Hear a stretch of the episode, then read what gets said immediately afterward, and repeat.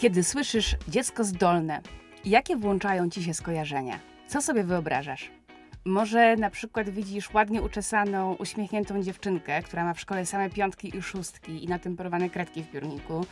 Taka pierwsza ławka, wzorowe zachowanie, ulubienica naszej pani. Lubi szkołę, nie marnuje czasu na głupoty. Inne dzieciaki mówią na nią kujonka.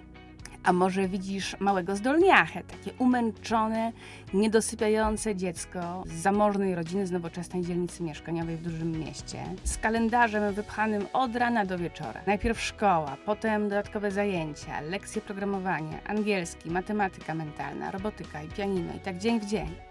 A może na przykład wyobrażasz sobie takiego małego geniusza, który ma 5 lat, a do snu czyta sobie Homera, przy kolacji opowiada o wojnach peloponeskich, a poza tym na ogół siedzi z nosem w książce i generalnie łatwo zapomnieć, że mieszka w tym samym mieszkaniu.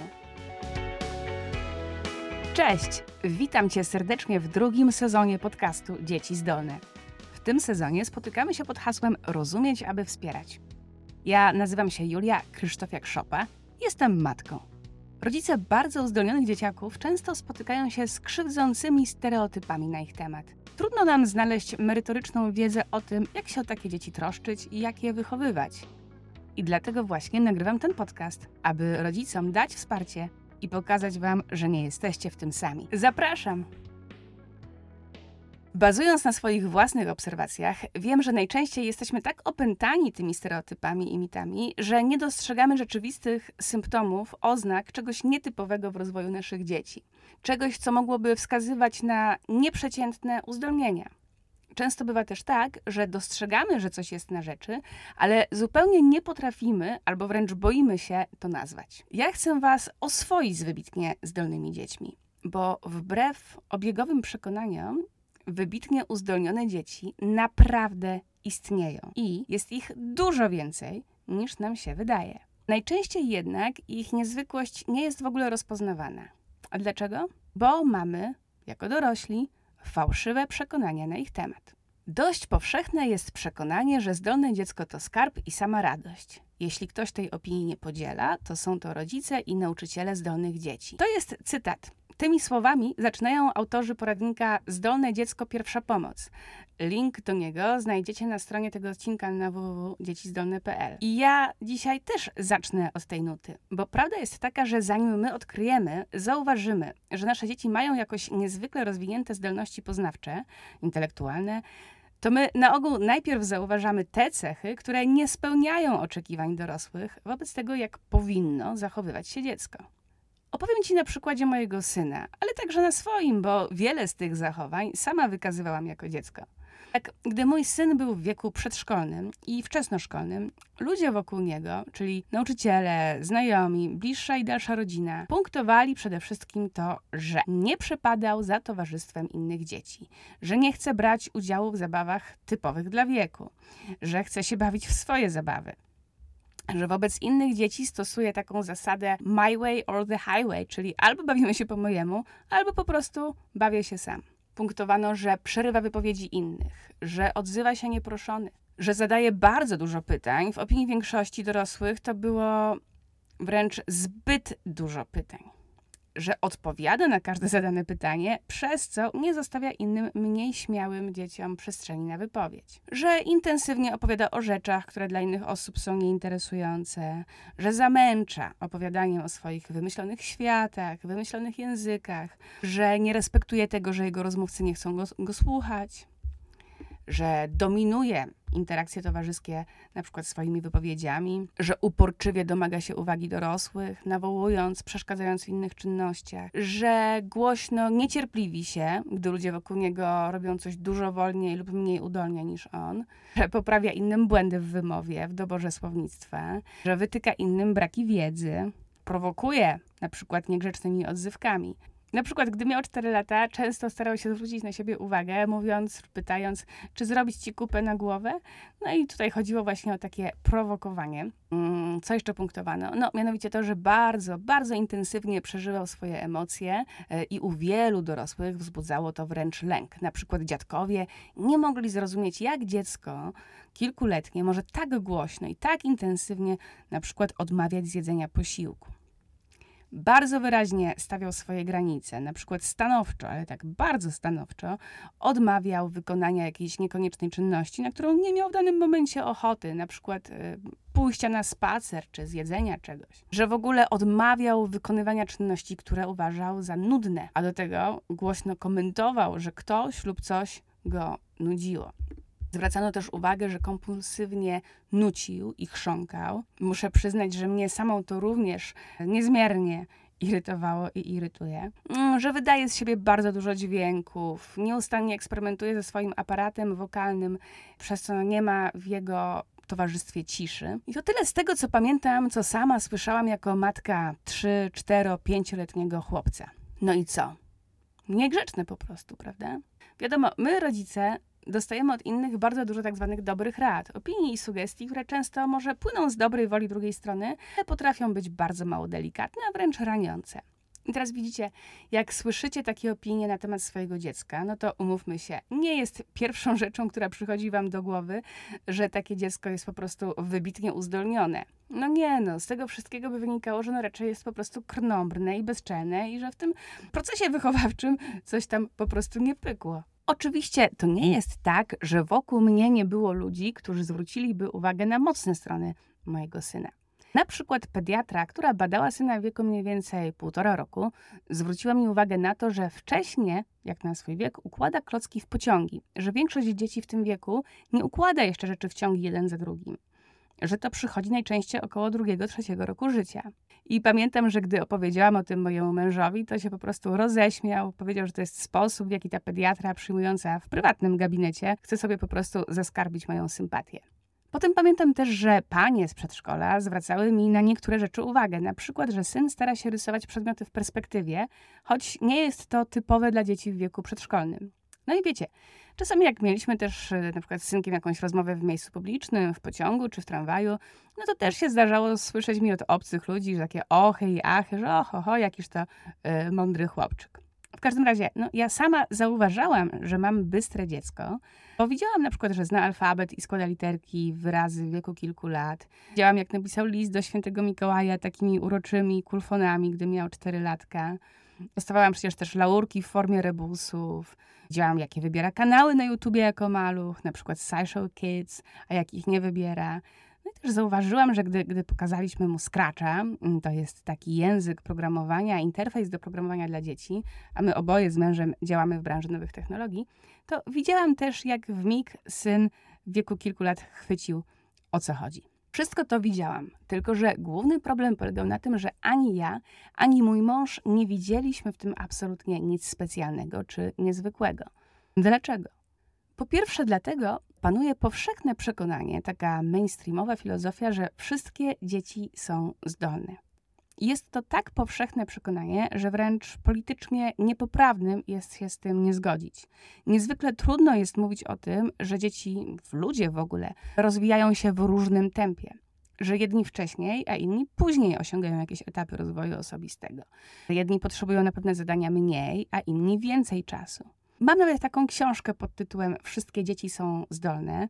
E, link e, znajdziecie na stronie odcinka na www.dziecizdolne.pl. E, jej tytuł, czyli Wszystkie dzieci są zdolne, jest bardzo mocną tezą, ale kiedy zaczniemy ją czytać, to już we wstępie dowiadujemy się, że autorowi chodzi o to, że każde dziecko jest zdolne na swój sposób. No i z tym oczywiście trudno się nie zgodzić. Ale jednak, kiedy mówisz, że twoje dziecko jest uzdolnione, taką tezą, że przecież każde dziecko jest uzdolnione, łatwo jest zamknąć jakąkolwiek dalszą rozmowę o potrzebach tego dziecka. Po drugie, my nie widzieliśmy w tym nic specjalnego, dlatego że sami mieliśmy bardzo podobne doświadczenia jako dzieci. W latach 90. moja mama chciała mnie posłać wcześniej do szkoły. To był jakiś 1990-91 rok i pamiętam, że moja mama zaprowadziła mnie wtedy do poradni psychologiczno-pedagogicznej, w której rozwiązywałam jakieś testy, różne zadania. Podejrzewam, że to pewnie było badanie gotowości szkolnej. Ja nie poznałam wyników tego badania, zresztą też pewnie nie wiedziałabym wtedy nawet, jak je zrozumieć, ale idąc do pierwszej klasy jako sześciolatka, miałam absolutnie totalne poczucie nieadekwatności i odstawania. I na poziomie rozwoju fizycznego, bo byłam bardzo mała, chuda i wolno biegałam, i też na poziomie rozwoju intelektualnego, bo po prostu dobrze znałam już wszystko to, czego w tej pierwszej klasie dopiero uczyli. I w tej pierwszej klasie przeżyłem ogromny zawód. Tą różnicą między tym, czym ta szkoła miała być, jak ją sobie wyobrażałam, no wiecie, nauka, a tym, czym była, czyli nudzeniem się i czekaniem, aż 30 innych dzieci z trudem odczyta zdanie Ala Makota. Ogromnie się nudziłam na tych lekcjach. Starałam się jakoś to sobie y, skompensować czytaniem książek, które przynosiłam z domu. A WF-u po prostu nienawidziłam, bo byłam w tym niesłychanie słaba, powolna i nie spełniałam wymagań tam dotyczących czasu, biegu czy odległości skoku przewidzianych dla wieku 7 lat. Innych dzieci generalnie się bałam, bo wydawały mi się krzykliwe, hałaśliwe i niewerbalne, i przez to wydawały mi się nieprzewidywalne. Wtedy też, tak jak mój syn, wybierałam samodzielne zabawy, bo trudno mi po prostu było znaleźć partnerów do takich zajęć i zabaw, które mi się podobały. Więc gdy już jako matka zaczęłam obserwować podobne zjawiska u swojego dziecka, to pomyślałam, że no cóż, po prostu ono tak już ma. Ja miałam podobnie. Ale nie przyszło mi wtedy zupełnie do głowy, że to doświadczenie świata, które jest udziałem mojego dziecka, ma swoją nazwę w pedagogice i w psychologii. Po angielsku to jest giftedness, a po polsku wysokie uzdolnienie. I że jest to zjawisko badane w psychologii, w naukach społecznych, w neuronauce.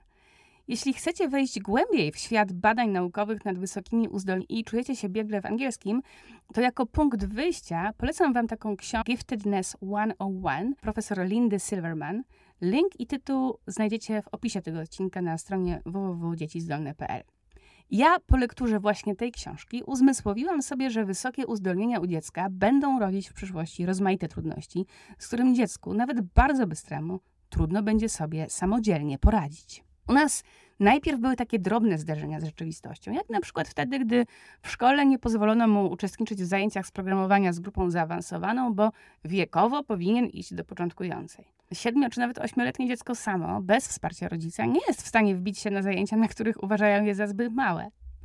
Bo wiecie, kiedy w różnych miejscach publicznych proponuje mu się kolorowanki dla zabicia czasu, podczas gdy jego preferowaną formą zabijania czasu jest aplikacja Duolingo. No, to jest taka aplikacja do nauki języków. Dla mnie jednak taki moment otrzeźwienia to był wtedy, gdy pewnego wieczoru, to chyba była pierwsza klasa podstawówki, przed snem, mój syn powiedział mi, że on tak naprawdę nienawidzi siebie za to, że go interesują dinozaury, bo przez to nie ma żadnych przyjaciół.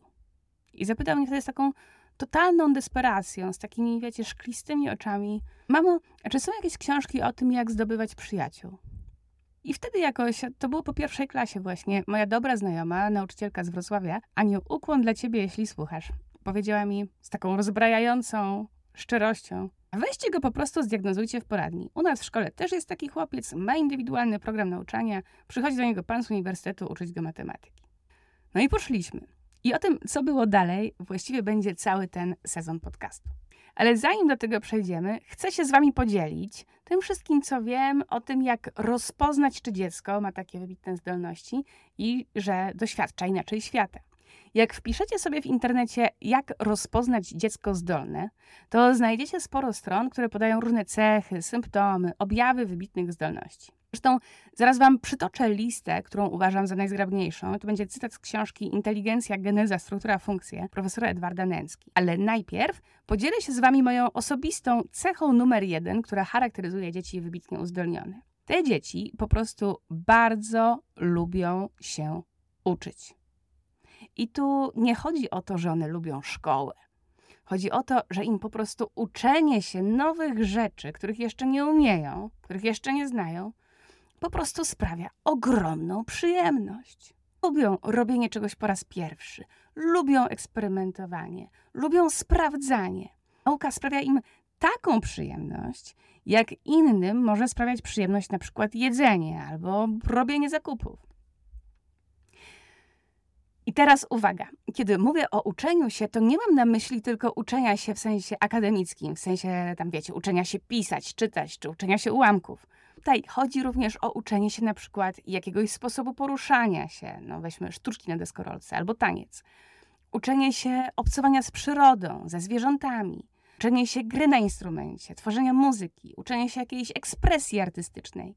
Istnieją rozmaite płaszczyzny, na których można się czegoś uczyć. Właśnie te dzieciaki, u których zauważacie, że one dostają po prostu takiego kopa dopaminowego od uczenia się, to są te dzieci ponadprzeciętnie uzdolnione. Przejdźmy teraz do bardziej systematycznej listy oznak wybitnych zdolności, którą skomponował profesor Edward Nęcka.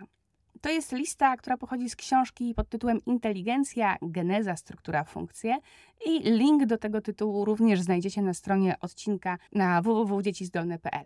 Profesor Nęcka przedstawia listę 10 oznak świadczących o tym, że dziecko jest wybitnie uzdolnione. Otóż po pierwsze, ciekawość poznawcza. Dzieci wybitnie zdolne są szczególnie dociek i interesują się żywo sprawami ogólnymi, ale i konkretnymi.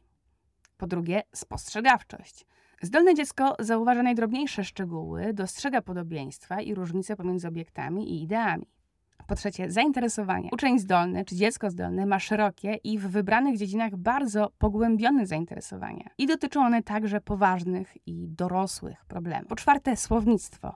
Wybitnie zdolne dziecko błyskawicznie uczy się nowych słów i zwykle też bezbłędnie je rozumie. Dobrze różnicuje znaczenie pojęć. Po piąte, zamiłowanie do czytania. Połykanie lektur. Dziecko zdolne bardzo dużo i szybko czyta, wykazuje prawdziwe zamiłowanie do czytania i ma ulubione dziedziny oraz lektury. Potrafi, co więcej, umiejętnie zreferować przeczytane treści. Po szóste, wyobraźnia twórcza. Dziecko wybitnie zdolne ma łatwość w tworzeniu wyobrażeń i odtwarzaniu obrazów znanych. Jego wyobrażenia są dokładne i oryginalne. Potrafi generować obrazy rzeczy nieistniejących, zaskakujące i sensowne. Po siódme, koncentracja i wytrwałość. Dziecko zdolne łatwo się koncentruje i to na dłuższy czas. Jest odporne na zmęczenie. Tutaj ja dodam od siebie, ta koncentracja i wytrwałość u dzieci zdolnych oczywiście dotyczy tych rzeczy, które dla tych dzieci są ciekawe. Nie oczekujcie tego, że dziecko uzdolnione będzie potrafiło skoncentrować się na dłuższy czas i być odporne na zmęczenie w przypadku czynności, którą uważa za potwornie nudną. Po ósme, samokrytycyzm. Zdolne dziecko stawia sobie bardzo wysokie wymagania, jest samokrytyczne i ciągle niezadowolone z własnych osiągnięć. Ja dodam do siebie, że ten samokrytycyzm też często objawia się takim perfekcjonizmem i przekonaniem, że żeby coś stworzyć, to to musi być perfekcyjne. Po dziewiąte, dojrzałość. Dzieci wybitnie zdolne często dorównują dorosłym poziomem prowadzonej rozmowy. Ich sądy, wypowiedzi są dojrzałe i uzasadnione. Ich osiągnięcia twórcze niejednokrotnie dorównują albo nawet przewyższają osiągnięcia dorosłych. Po dziesiąte, wreszcie żwawość intelektualna. Dziecko zdolne łatwo popada w stan ekscytacji nowym problemem, czerpie przyjemność intelektualną z jego rozwiązywania i obce jest mu zupełnie apatia czy znudzenie w sferze poznawczej. Profesor Nęcka podkreśla, że to są typowe oznaki wybitności, ale że nie są to kryteria definicyjne. I przestrzega też przed traktowaniem wyników w testach inteligencji jako jedynych wskaźników wybitności dziecka. Mówi też, co najważniejsze, że nie wszystkie te oznaki muszą występować razem, a na pewno nie na wszystkich etapach rozwoju młodego człowieka. Kiedy pytałam innych rodziców uzdolnionych dzieci o to, jakie oznaki oni dostrzegali najwcześniej, to padały na przykład takie historie. Jedna mama opowiadała mi, że jej córka zaczęła mówić pełnymi zdaniami w wieku 9 miesięcy i już wtedy komunikowała swoje potrzeby fizjologiczne.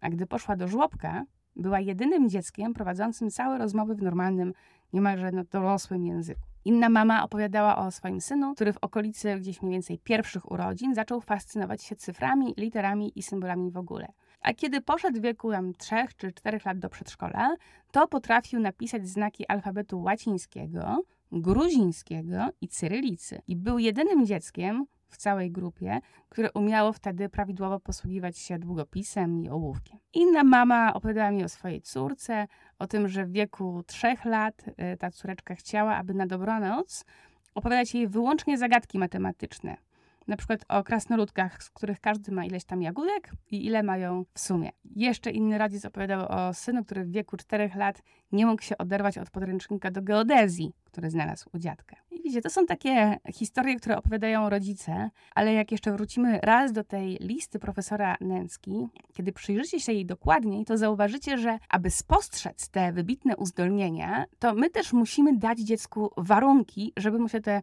oznaki po prostu ujawniły. I o ile w jednych domach, w jednych rodzinach jest to szczęście, że się dużo rozmawia o świecie w ogóle, że się dużo czyta, że są książki, instrumenty muzyczne, jakieś artefakty naukowe, to jednak nie we wszystkich domach jest komu z dzieckiem porozmawiać i zauważyć, że tam w środku jest ciekawość poznawcza, że jest głębokie zainteresowanie trudnymi dorosłymi tematami. A czasami jest komu, tylko brakuje czasu, bo wszyscy są zabiegani w ferworze pracy i rozmaitych obowiązków. Być może zastanawiacie się teraz, no dobra, ale po co właściwie rozpoznawać te nieprzeciętne zdolności poznawcze? Czy to nie jest tak? Y, jak jest takie zdolne, to przecież sobie poradzi? Albo to nie wszystko jedno? I o tym właśnie będzie kolejny odcinek, w którym będę chciała rozprawić się z rozmaitymi mitami i stereotypami, w które wierzymy jako dorośli w Polsce w 2023 roku. Opowiem w nim też o tym, co my ryzykujemy, jeżeli my tych wybitnych uzdolnień u naszych dzieci nie rozpoznajemy. A tymczasem mam nadzieję, że udało mi się tą historią pokazać Wam, że naprawdę istnieją dzieci o ponadprzeciętnych uzdolnieniach poznawczych, ponadprzeciętnie bystre, ponadprzeciętnie inteligentne i zachęcić Was do subskrypcji podcastu Dzieci Zdolne Rozumieć, aby wspierać. Wszystkie linki i szczegółowe informacje znajdziecie na stronie tego odcinka na www.dziecizdolne.pl, a ja teraz zapraszam Was do subskrybowania tego podcastu. Jeśli słuchacie, to koniecznie zafollowujcie podcast, dodajcie go do ulubionych, zostawcie jakieś gwiazdki. A jeśli oglądacie na przykład na YouTubie, to zasubskrybujcie kanał, zostawcie kciuka w górę, a najlepiej dodajcie komentarz. Mnie najbardziej motywują do regularnej pracy nad tym projektem wasze komentarze. Nawet takie zupełnie minimalne, no wiecie, jak emoji. Bo wtedy po prostu wiem, że jesteście, że słuchacie. I nawet nie wyobrażacie sobie, jak wiele to dla mnie znaczy. Na koniec zostawiam Was z pytaniem, bo jestem bardzo ciekawa, jakie Wy sami macie lub mieliście przekonania na temat zdolnych dzieci. Napiszcie mi, jakie postaci z książek lub filmów lub Waszego własnego życia kojarzą Wam się ze zdolnym dzieckiem. Napiszcie w komentarzu i do usłyszenia za dwa tygodnie.